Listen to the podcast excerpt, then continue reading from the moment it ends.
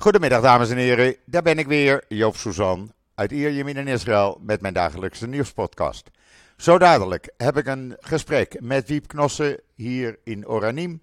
En met hem ga ik praten over het dagelijks leven hier in Israël, wat wij meemaken en zijn werk als uh, vrijwilliger om Oranim te beveiligen s'nachts. Maar eerst even het weer. Uh, het is zo'n 24, 25 graden. Het is behoorlijk vochtig, dus drukkend warm eigenlijk. Maar het is wel lekker. Ze hadden er veel regen voorspeld, maar niet hier in ieder geval. Ik heb nog geen druppel gezien, terwijl ze hadden beloofd, zeg ik eerlijk, beloofd, dat we veel regen zouden krijgen. Maar goed, wie weet komt dat nog later vandaag. Ja, en dan maak ik me druk, of kwaad eigenlijk, om al die mensen in Nederland die het allemaal beter weten. Al die politici, al die uh, activisten, al die journalisten, met name NRC, uh, maar ook andere kranten, die het allemaal beter weten. En zoals ik vanmorgen al op Twitter uh, schreef, hebben jullie ooit een terreuraanslag meegemaakt? Hebben jullie ooit een bus uit, uit elkaar zien ploffen? Hebben jullie ooit mensen aan terreuraanslag op, op straat zien liggen? Dat hebben jullie niet. Wij wel, helaas. En wij reageren dan anders als jullie reageren. Want er moet gewoon een einde komen aan Hamas. En daar is de IDF goed mee bezig. Eh, de terreurtunnels die worden opgeruimd, die worden geblokkeerd.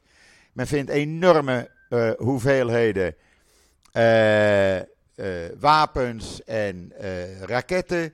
Uh, ja, men is goed aan de gang op dit moment in Gaza. En dat moet ook, want die hele terreurbende, zoals wij het noemen, die moet gewoon opgeruimd worden.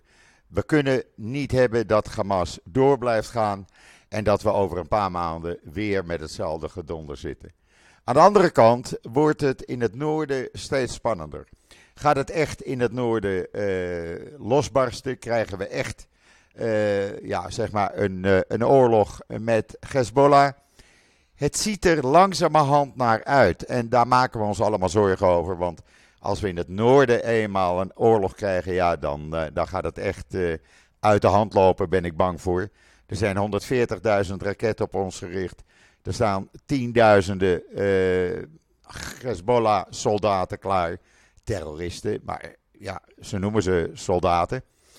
En we hebben natuurlijk Iran. En ook Amerika is daar langzamerhand meer en meer bij betrokken. Er zijn Amerikaanse soldaten, militairen die in Syrië zijn omgekomen de laatste dagen. Het loopt langzaam uh, tot een hoogtepunt. Welke kant het uitgaat, ik hoop dat het in uh, bedwang wordt gehouden. Maar ik denk dat het langzamerhand richting een echte oorlog gaat. Ja, en dan hebben we wat Gaza betreft, uh, de NRC, die het allemaal beter weet. Er zou, uh, of er is, uh, een, een vertrouwelijk memo van de Nederlandse ambassade naar het ministerie van Buitenlandse Zaken. Dat is gelekt, dat is bewust gelekt naar de NRC toe. Wie dat gedaan heeft bij Buitenlandse Zaken, ja, daar staat geen naam bij. Maar ik vind dat nogal een kwalijke zaak. De militaire attaché hier in Israël, in Tel Aviv, van de ambassade, die zegt: ja, ze houden alles in de gaten. Ze hebben een memo gemaakt. En ze weten precies welke kant het uit zou moeten gaan en wat Israël wel en niet doet. Maar ja, dat hebben ze ook alleen maar van horen zeggen, want ze zitten niet in Gaza. Ze krijgen dezelfde berichten door die ik doorkrijg, die anderen doorkrijgen van de IDF en van de overheid. En niets meer of minder. En daar maken ze dus hun uh, opinie uit. Nou, die hebben ze als vertrouwelijk memo naar buitenlandse zaken gestuurd. Dat Israël uh, gaat te ver en de IDF moet stoppen met het geweld. Nou, de IDF moet helemaal niks. De IDF gaat gewoon door met het plan zoals het er is en Hamas wordt opgeruimd. Maar dat memo, dat is dus bewust naar de NRC gelekt. Nou, de NRC is anti-Israël als zoals het maar kan. En uh, ja, dat, uh, dat loopt natuurlijk volledig uit de hand. En al die mensen die het in Nederland allemaal beter weten. Ik zou zeggen, kom dan eens een keer hier naartoe. En uh, ga dan eens meemaken als er een terreuraanslag is. Ga er eens tussen zitten. Zie wat er gebeurt. Jullie hebben het alleen maar van horen zeggen. Dus alsjeblieft, hou je mond erover. Blijf lekker bezig met wat je in Nederland aan het doen bent. En ga je eens even niet met Israël bemoeien. Nou, dan ga ik nu kijken of ik uh, Wiep Knossen aan de lijn kan krijgen. Dus even een seconde geduld, alsjeblieft. Nou, dan heb ik aan de lijn uh, Wiep Knossen. Wiep, goedemiddag. Ben je een beetje wakker? Want je hebt nou, vannacht weer uh, beveiliging gedaan, heb ik begrepen. Ja, dus uh, een, een, beetje met moeite wakker, ja. Ja, ja. Ja, dat hoort erbij. Hè? Wat doe je dan? De hele... Uh, nou, vanaf het begin, vanaf de eerste dag, de Zwarte Zaterdag, ehm, was er, uh, is er natuurlijk altijd bepaalde beveiliging in een, uh, in, een, in een community. We hebben dat gezien op de beelden van alle bodycams en zo. Dat ja. Er is iets dat heet Kitat Konenut, oftewel een um, eenheid van readiness, een, een, een, eerste response unit. En dat hebben eigenlijk alle communities. Ja. En dat is een, dat is een organisatie van vrijwilligers, die door onder auspiciën van het leger uh, van, uh, van wapens worden voorzien en uh, helms, kogelvrije vesten, al dat soort spul. Ja. Kun je iets luider, iets luider praten? Ietsje. Ja, dat, pro yeah. dat probeer ik. ja, je moet maar even zeggen of het werkt. Ja, zo is beter. Zo is beter. Oké, okay, oké, okay, okay, goed. Um, dus dat is een, uh, meestal een, redelijk kleine groep mensen die, uh, laten we zeggen, 20 man, 30 man, uh, hooguit. En die moeten eigenlijk de eerste lijn van verdediging vormen als er dus iets gebeurt, zoals een, een intrusion, zoals dat gebeurt in al die zuidelijke 21, 22 uh, kibbutzim, steden, zoals Sderot, et cetera. Um, nou, die, die stonden natuurlijk de afgelopen jaren erg onder druk. Er zijn daar wapens weggehaald die daar gebruikt werden, toegekend aan het leger zelf, et cetera. Dus er, is allerlei onderzoek nodig om te kijken hoe, hoe slecht men voorbereid was. Maar goed, hier ehm, in Oranje hebben wij zo'n kitat Konenut. Dan vervolgens zit daar dus het leger boven. Die hebben een kleine eenheid uh, die eigenlijk de hele omgeving bestrijkt van allerlei kleine plaatsjes hier in de buurt. Dus bij elkaar denk ik een, een 10 vierkante kilometer. Uh, en dan is er natuurlijk een hele ploeg van, uh, van vrijwilligers uh, die normaal gesproken ja, soms jarenlang niets verder te maken hebben met de beveiliging. Want de in- en de uitgang dat wordt geoutsourced aan een, aan een securitybedrijf. Ja. Dus particuliere beveiligingsbedrijf. Want op een gegeven moment is het leunen op vrijwilligers in het dagelijks leven, dat wordt lastig. Ja. En, uh, nou goed, dus vanaf de eerste dag uh, zijn er bepaalde units ontstaan uh, in bepaalde buurten, in bepaalde straten, et cetera, van mensen die van dag tot dag wel een eigen privéwapen hebben. Waar ik er dus één van ben. En um, die hebben zich verenigd en die zijn vervolgens na de eerste week geplaatst onder, het, uh, onder de hiërarchie van het leger en de Kitab van Anut. En dan hangen ja. wij daarop. Dus, um, dus jullie beveiligen wij, gewoon in shifts? Dus, ja, wij beveiligen in shifts, shifts ja. van twee uur. En dat kan zijn bij de ingang van de, van de community. Uh, om te kijken wie er naar binnen rijden. Nou wordt dat normaal gesproken wel gedaan door dat uh, privé beveiligingsbedrijf. Maar wij staan er dus gewoon nu bij als, uh, als backup. En uh, de druk van die meiden, want het zijn hoofdzakelijk dames die bij ons aan de poort staan. Die zijn verder goed getraind. Ik bedoel, goed getraind, goed bewapend. Maar als je daar staat van 6 uur s ochtends tot 6 uur s avonds dan is dat in de huidige situatie, kun je niet scherp genoeg zijn. Dus om de, om de twee uur zijn er nog twee vrijwilligers en één militair die daarbij zijn.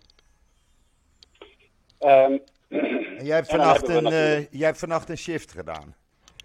Ja, dus ik heb een bepaalde uitkijkpost in een bepaald punt van de, van de community. Ja. En dat moeten wij eh, in de gaten houden. Maar En- dan heb je één is- probleem, hè? Je hebt één Nou. probleem. Je hebt nog geen helm, heb ik begrepen. Of wel? Nee, ik, heb- nee, ik heb geen helm. Nee. Nee, ik, ik, ik, hoop dat ik snel genoeg kan bukken. Je hebt wel een Ik heb eh, een- kogelvrij vest inmiddels. Ja, dat was wel, wel grappig. Ik heb eh, in het begin ben ik een eh, WhatsApp-groep gestart. eh, met als doel dat ik eigenlijk niet twaalf keer per dag hetzelfde verhaal hoef af te draaien aan familie en vrienden. En nou, dat is echt een fantastische groep geworden, want daar zitten mensen in die ik jaren niet gesproken heb. Oud-collega's enzovoorts. Eh, dus die groep groeide van een man of 20 naar 120. En eh, daar heb ik op een gegeven moment een campagne eh, ben ik daarin gestart om geld, eh, om donaties te vragen voor nog meer van die kogelvrije vesten. Ja. Nou, dat was een, een heel lastig verhaal. Eh, want ook hier in Israël was er niets meer te koop. Want alles wat er natuurlijk eh, in eerste instantie binnenkwam, dat moest naar het leger. Omdat we een veel te grote, eh, nou ja, te groot, maar een hele grote groep, 300.000 plus man, reservisten die kwamen opdragen. Dus ja, daar, daar was allemaal eh, niet genoeg materiaal. Maar uiteindelijk is dat wel gelukt. Je hebt wel een kogelvrij vest nu. Ja, ik heb er twee. Ja. Dus één, één voor een andere vrijwilliger die een shift draait. En één voor mezelf. Maar nog geen helm. Al- Maar, maar geen helm. En daar heb je een PayPal-rekening voor geopend. Nou, ik zal je heel eerlijk zeggen. Ik, ik, eh, ik ben er dus mee begonnen. En vervolgens ben ik er weer mee gestopt. Want je hebt allerlei eh, bedrijven zoals PayPal. Maar ik was gestart op GoFundMe.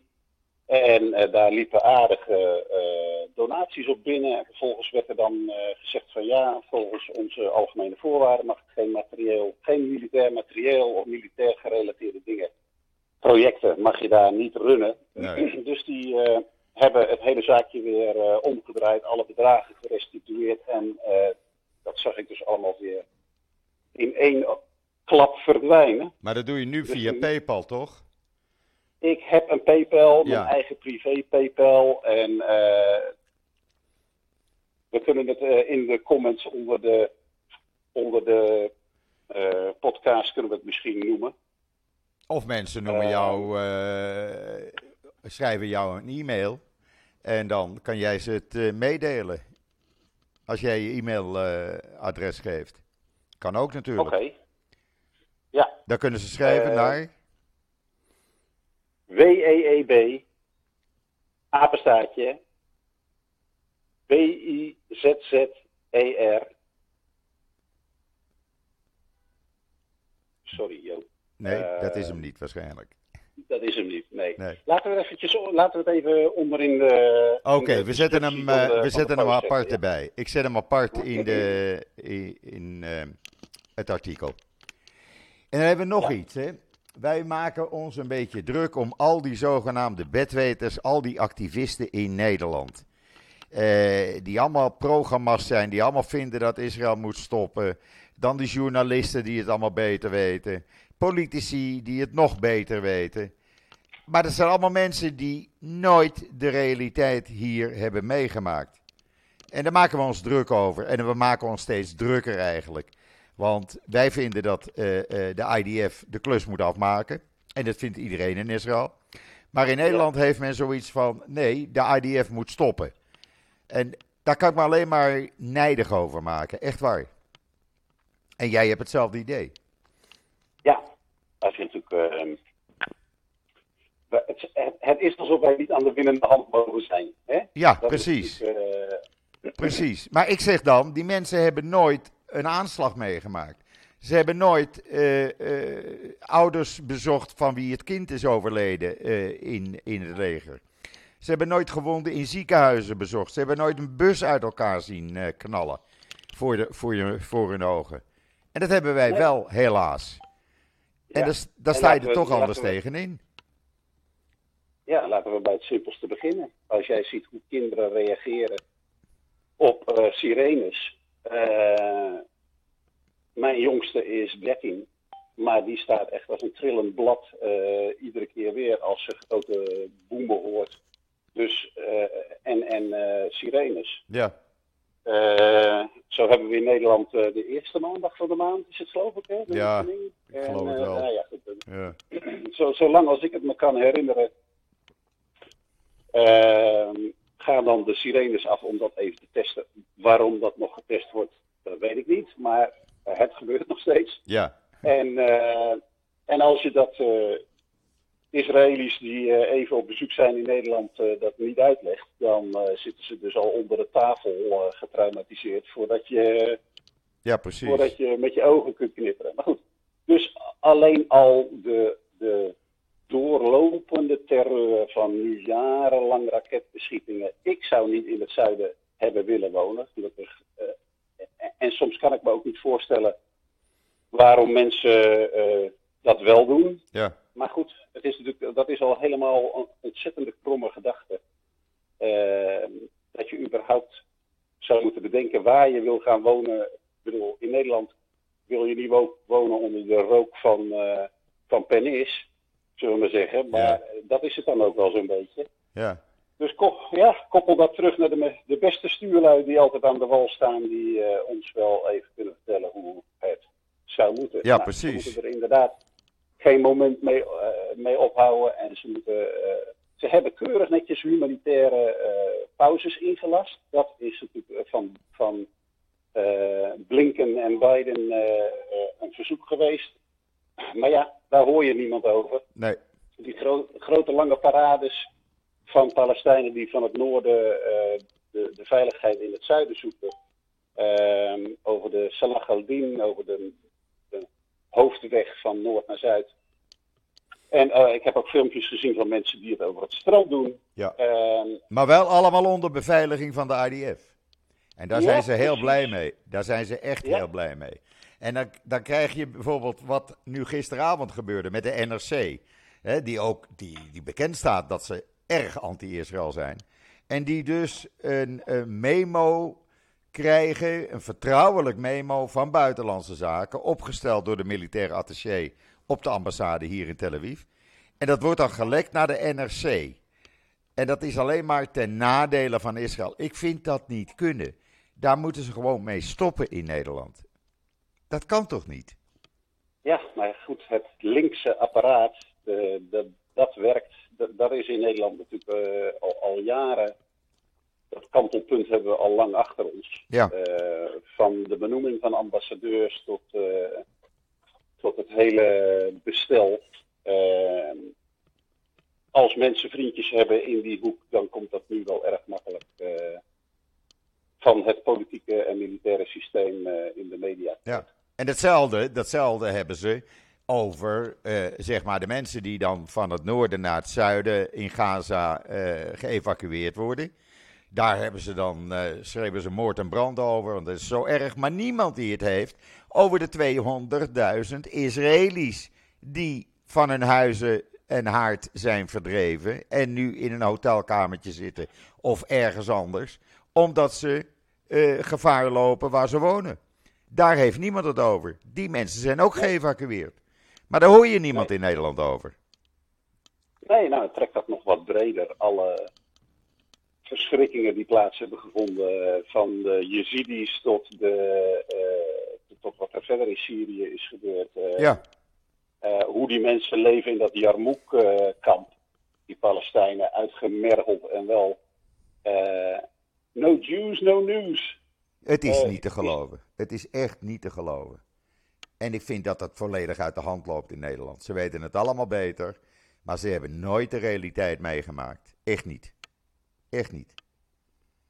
Nee, nou, het, eh, het, is, het is onmogelijk voor ons, denk ik, om dit eh, te counteren. Je ziet dat er eh, elke goede daad van Israël wordt als staatspropaganda afgedaan. Ja, Dus eh, ik, ik ben eh, wat dat betreft, ja, ik, ik stap er ook een beetje van weg, moet ik eerlijk zeggen. Want dat is een slag die je niet kunt winnen. En eh, die zullen we ook nooit winnen. die, Die zullen zullen- we ook nooit nee. winnen. Nee. Maar als je nou vanmorgen, ik heb dat artikel online gezet.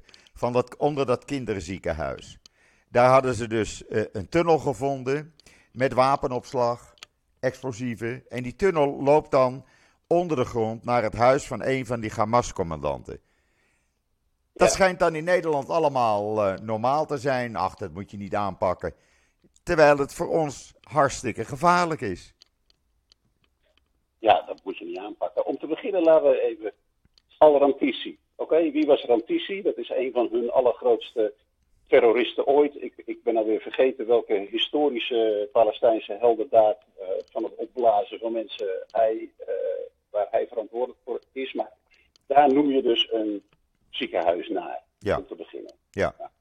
Eh, dan vervolgens, eh, wat ze hebben gevonden daar beneden, was een motorfiets met de kogelgaten er nog in Ja, die eh, naar het schijnt gebruikt zou kunnen zijn in die raid van eh, 7 oktober. En allerlei pampers en babyflesjes, et cetera. eh, en stoel met eh, eh, ehm, touw en andere materialen om mensen vast te knopen. en een schema, Dus mijn een schema aan de muur. En een heel schema, precies. Een schema. aan Wie de er muur, bewaakt. Wie er, Ja, wie er bewaakt, ja. Dus ehm, als we daaruit concluderen dat daar eh gijzelaars hebben gezeten, dan, dan is dat volgens mij uit wat we zien inderdaad, die conclusie is te trekken. Maar ehm, dan zijn er eh, mediapartijen zoals de BBC en de NOS, et cetera, die nu dan ineens moeten ze de feiten een dag of drie, vier, vijf eh, goed bestuderen voordat ze daarmee naar buiten komen. Ja. Want eh, ze zouden dan nu de les geleerd hebben en ze moeten. eh, terwijl ze aan de andere kant alle Hamas-propaganda van duizenden doden die iedere keer eh, ontzettend. nemen ze gewoon allemaal over. Nou, ik heb Dat het artikel online staan. Ik heb het op social media gezet. Het staat in israelnieuws.nl, inclusief de video's, inclusief de foto's. Iedereen kan daar de feiten gewoon zien. Er is niks, geen letter, geen woord aan verzonnen. Het is gewoon de realiteit. Maar die realiteit, die schijnt in Nederland niet te mogen. Als we ons dan even Nee. op Nederland concentreren. Helemaal duidelijk. Ik heb dat zelf ook in een bepaalde, in een post op Twitter heb ik op een gegeven moment geschreven. Elke eh, religieuze, educatieve of eh gezondheidsstelsel slash welzijnsinstituut en eh, alle gereedschappen die daar eh, mee in verband staan, die worden gebruikt of misbruikt. En eh, dat is natuurlijk al jaren duidelijk voor de mensen die hier een beetje in de inlicht- inlichtingen eh, eh, business zitten. Ehm, maar dat zijn de plekken die je niet kunt bombarderen. En ze hebben hun eigen wagenpark van ambulances. Zoals wij eh, people carriers hebben in het leger. Ja. Zo hebben zij hun ambulances en daar gebeurt alles mee. En dat is al jaren, zijn daar filmpjes van. Alles is al lang duidelijk dat dat gebeurt. Ja. Want als er één keer eh, geschoten wordt op een ambulance, dan eh, gaat de wereld in brand. En als je het hebt over ziekenhuizen, doktersposten, universiteiten eh, en al die moskeeën. Want elke tunnel eindigt natuurlijk onder een moskee zowat. Die hebben ze ook gevonden. hè? Ook die heb ik online ja. staan. De foto's en Ja. de films. En, en gisteren dat er vanuit een ziekenhuis tussen het publiek, het normale publiek wat een ziekenhuis bezocht, werden er met RPG's op eh, IDF-soldaten geschoten. Ja. Uiteindelijk zijn ze allemaal eh, omgebracht. Maar zo werkt dat. En dat Zo zou dan dat. gestopt moeten worden volgens al die bedweters. Nou, sorry, maar we gaan gewoon door. Er er zijn natuurlijk twee delen van de mindset die mensen in een normale, normatieve eh, samenleving niet begrijpen. Dat is dat je eh, mensen slachtoffert eh, voor het hogere extreem religieuze doel. Dus het maakt niet uit wie er doodgaat. Ook niet de normale Gazanen. En je ziet al, al die filmpjes nu ook naar buiten komen van mensen die, eh, die eindelijk hun mond open durven te doen en Hamas helemaal afbranden. En heel duidelijk zijn over het feit dat ze de Gazaanse populatie eh, onderdrukt hebben en dat ze daar jarenlange terreur ook binnen in eh, Gaza eh, dat hebben toegepast. Eh, er zijn zelfs ook nog een, andere, een ander verhaal van 2015 had Amnesty International een, een rapport over hoe uh, Hamas de ziekenhuizen gebruikt voor, uh, voor, voor, interrogatie, hoe heet het? Voor ehm, nou ja, het onder druk ver, ver, verkrijgen van, de verhoor, informatie. Het verhoren. Ja, verhaar, sorry. Ja, het verhoren.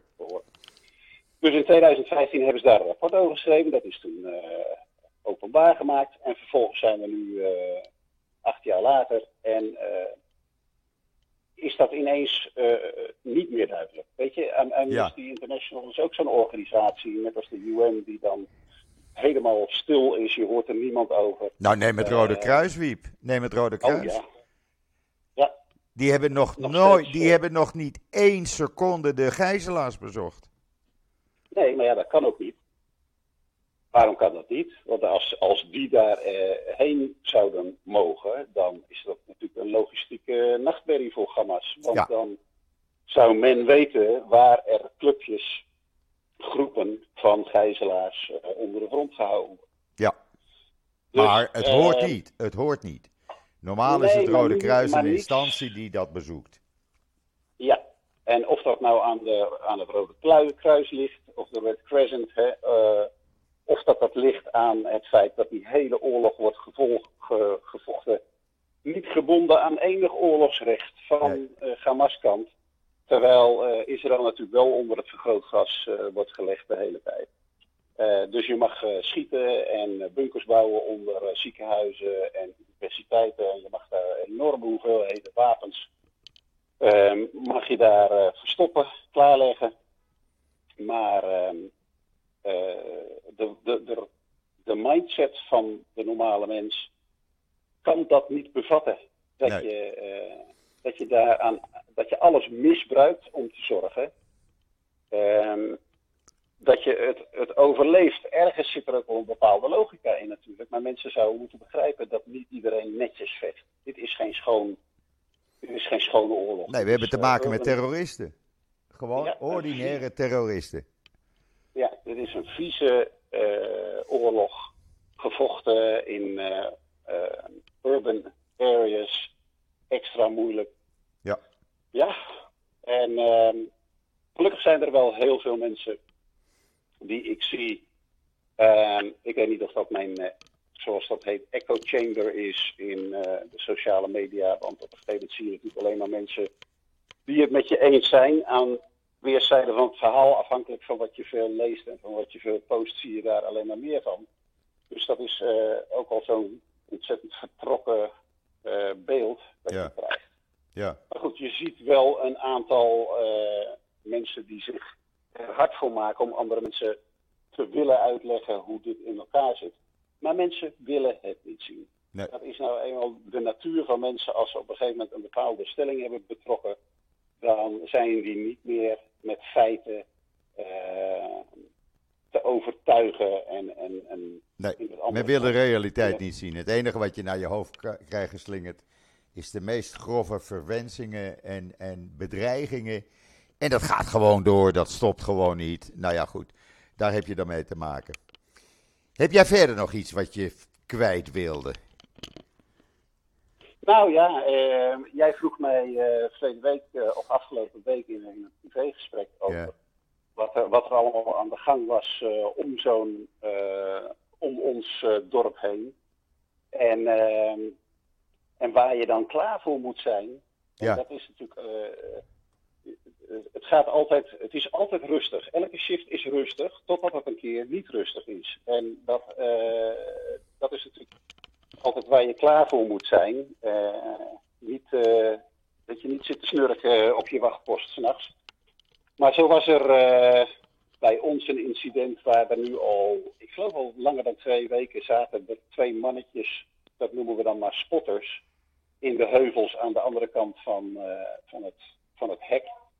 Ehm, dus in Palestijns gebied. En die zaten daar gewoon al wekenlang uh, notities te maken over hoeveel man ze zien. Alle bewegingen van ons beveiligingspersoneel. Dan proberen ze daar regelmaat in te ontdekken. om dat vervolgens door te geven voor mogelijke infiltraties. En, Ja. Dus dat was, een, eh, dat was een vrij kritiek moment. Ja, wat, wat doe je daarmee? Je kunt ze niet even. eh, ja, het is een plat Nederlands woord, maar je kunt ze niet even afschieten. Want zo werkt dat helaas niet. Nee. Dus eh, we hebben daar eh, wat stampij over gemaakt en dat komt dan vervolgens in het nieuws. En dan ineens eh, was de Shabbat. S ochtends, die heeft die jongens opgepakt en voor verhoor meegenomen. Nou, dat zal wel ook wel weer een grote schande zijn in de, oor, in de ogen van vele, eh, velen in de wereld. Maar eh, dan worden die jongens dus even doorgelicht en hun telefoon wordt bekeken en ze wordt gekeken wat voor informatie eh, die mensen hebben verzameld en doorgespeeld. En is er al wat uitgekomen, zover je weet, of niet? Nou, dat, Nog dat, niet echt. Dat krijg, je, dat krijg je nooit te horen. Nee. En ik moet eerlijk zeggen dat, dat ik ook nooit graaf naar dat soort dingen. Ik geef de informatie door, dan komt er een reactie op en dan vind ik het al best. Ehm, als er maar iets mee gebeurt, en dat is in de handen van mensen die daar veel meer verstand van hebben dan ik. Ja. Ehm, Maar dat is de Dus, eh, realiteit waar jullie mee te maken hebben. Als bewoners van Ja. Oraniet. Ja. Ja, ja en, en op de eerste, de, de dag na die zaterdag, eh, werden er schoten afgevuurd. Nou, daar zat ik, dat was bij mij letterlijk 100, 150 meter vandaan. En eh, nou, dan lig je al heel rap eh, met een geladen eh, wapen achter een boom. Ja. En dan moet je even de tegenwoordigheid van geest bewaren en dat gewoon eens eventjes even weer ademhalen en kijken eh, hoe zich dat ontwikkelt. En dat bleken dus Arabische jongens te zijn met een auto.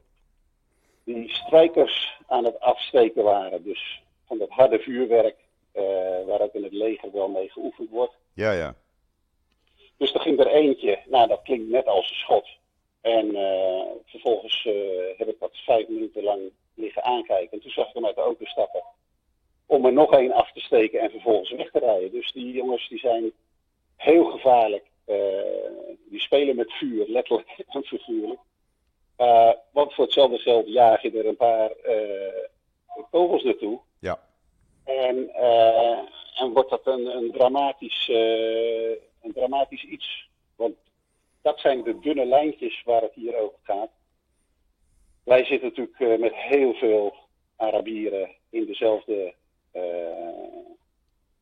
omgeving. En eh, heel veel daarvan zijn eh, samen met ons staan ze hierin. Maar er zijn altijd eh, rotte appelen die wel eh, geïnspireerd zijn geraakt door Hamas. Die proberen om daar een beetje rotzooi in te trappen. Ja. En als je daar eh, op zou happen, dan is het eind zoek. Want eh, dat zijn de situaties die je niet wil. Dat er een eh, heel Arabisch dorp boos wordt. Nee, precies. En eh, in ineens waar je aan de poort staat. Nee, want je Dus, leeft met elkaar. Dus Ja, normaal gesproken leef je met elkaar. En, en ook nu wel weer kunnen we gewoon daar boodschappen doen en wel weer door het dorp heen rijden. Maar je ziet het aan de gezichten van mensen. Er is toch een bepaalde achterdocht. Zij Ja. zijn bang. Als ik met een wapen op mijn heup eh, de, nou, het Nederlandse equivalent is de, de megapol of zo. eh, de supermarkt, de supermarkt Ja, of, of een supermarkt. Ja, Ja, ja. dan, dan eh, voelen ze zich Bedreigd. toch, toch bedreigd. Ja, en ik moet eerlijk zeggen dat in, voordat de, de oorlog begon, doe ik dat ook niet. Eigenlijk loop ik, heb ik vaak niet eens mijn wapen bij me, omdat ik een soort gevoel heb van saamhorigheid. Ja, maar nu doe je dat en- wel. en- nu doe ja, je dat wel. Want de sfeer, de Ja. atmosfeer is totaal anders. en dat, Dus- en dat vertrouwen is, is ook echt beschadigd. Ja, ja. Eh, ja, en dat zijn de dingen die we straks maar weer moeten zien eh, uit te vogelen, hoe dat dan weer verder moet. Nou, laten, we eerst kost deze oorlog, eh, laten we eerst deze oorlog maar achter de rug hebben. Ja, ja we, praten natuurlijk, eh, we praten natuurlijk vaak. Het- iedereen gaat weer een beetje in zijn eigen dagelijkse leven. Ja, dat zie ik hier bij mij ook. Het, het, het, het, En het gaat wat sneller, maar eh, eh, het normale leven is min of meer terug. Dat is heel raar. Dat is heel raar. terwijl we Dus, natuurlijk wel weten, we, we zien dat het uh, misgaat langzaamaan in, In het- het noorden. In het noorden, ja. Ja, en dat we nog steeds niet weten of daar een keer ook de geest uit de fles gaat of niet. Nou, daar gaan, we, Ehm. daar gaan we een andere keer over praten. Want we zitten al op Ja. 35 minuten. En mijn buren had ik gevraagd om even te stoppen met boren. Dat hebben ze ook gedaan. En die gaan zo dadelijk weer beginnen. Dus. Oké. ik hoop dat, we het, eh, dat iedereen het eh, wat duidelijker is geworden zoals jij het uitgelegd hebt, Wiep. Dat mensen wat meer begrip hebben voor de situatie eh, in Israël. En eh, eh, die activisten eens eventjes ook een andere kant gaan bekijken. Wiep, Mooi. we gaan er een eind aan breien. En Ja. wij spreken elkaar snel. Hartstikke bedankt voor je uitleg. Graag gedaan. Ja, ik was eh, niet helemaal super scherp vanochtend, want ik was toch een beetje Je bent een beetje moe. groggy. Ja, we zijn Ja, ook iets maar- later begonnen, maar dat maakt niet uit. Het is allemaal goed gekomen. Morgen heb ik een eh, gesprek eh, met Afshin Elian. En dan gaan we weer een hele andere kant van deze oorlog belichten. Dus dat zal ook weer interessant worden. Dan wens ik iedereen een voort- fijne voortzetting van deze dag. Ik ben er morgen weer en zeg zoals altijd: tot ziens. Tot morgen.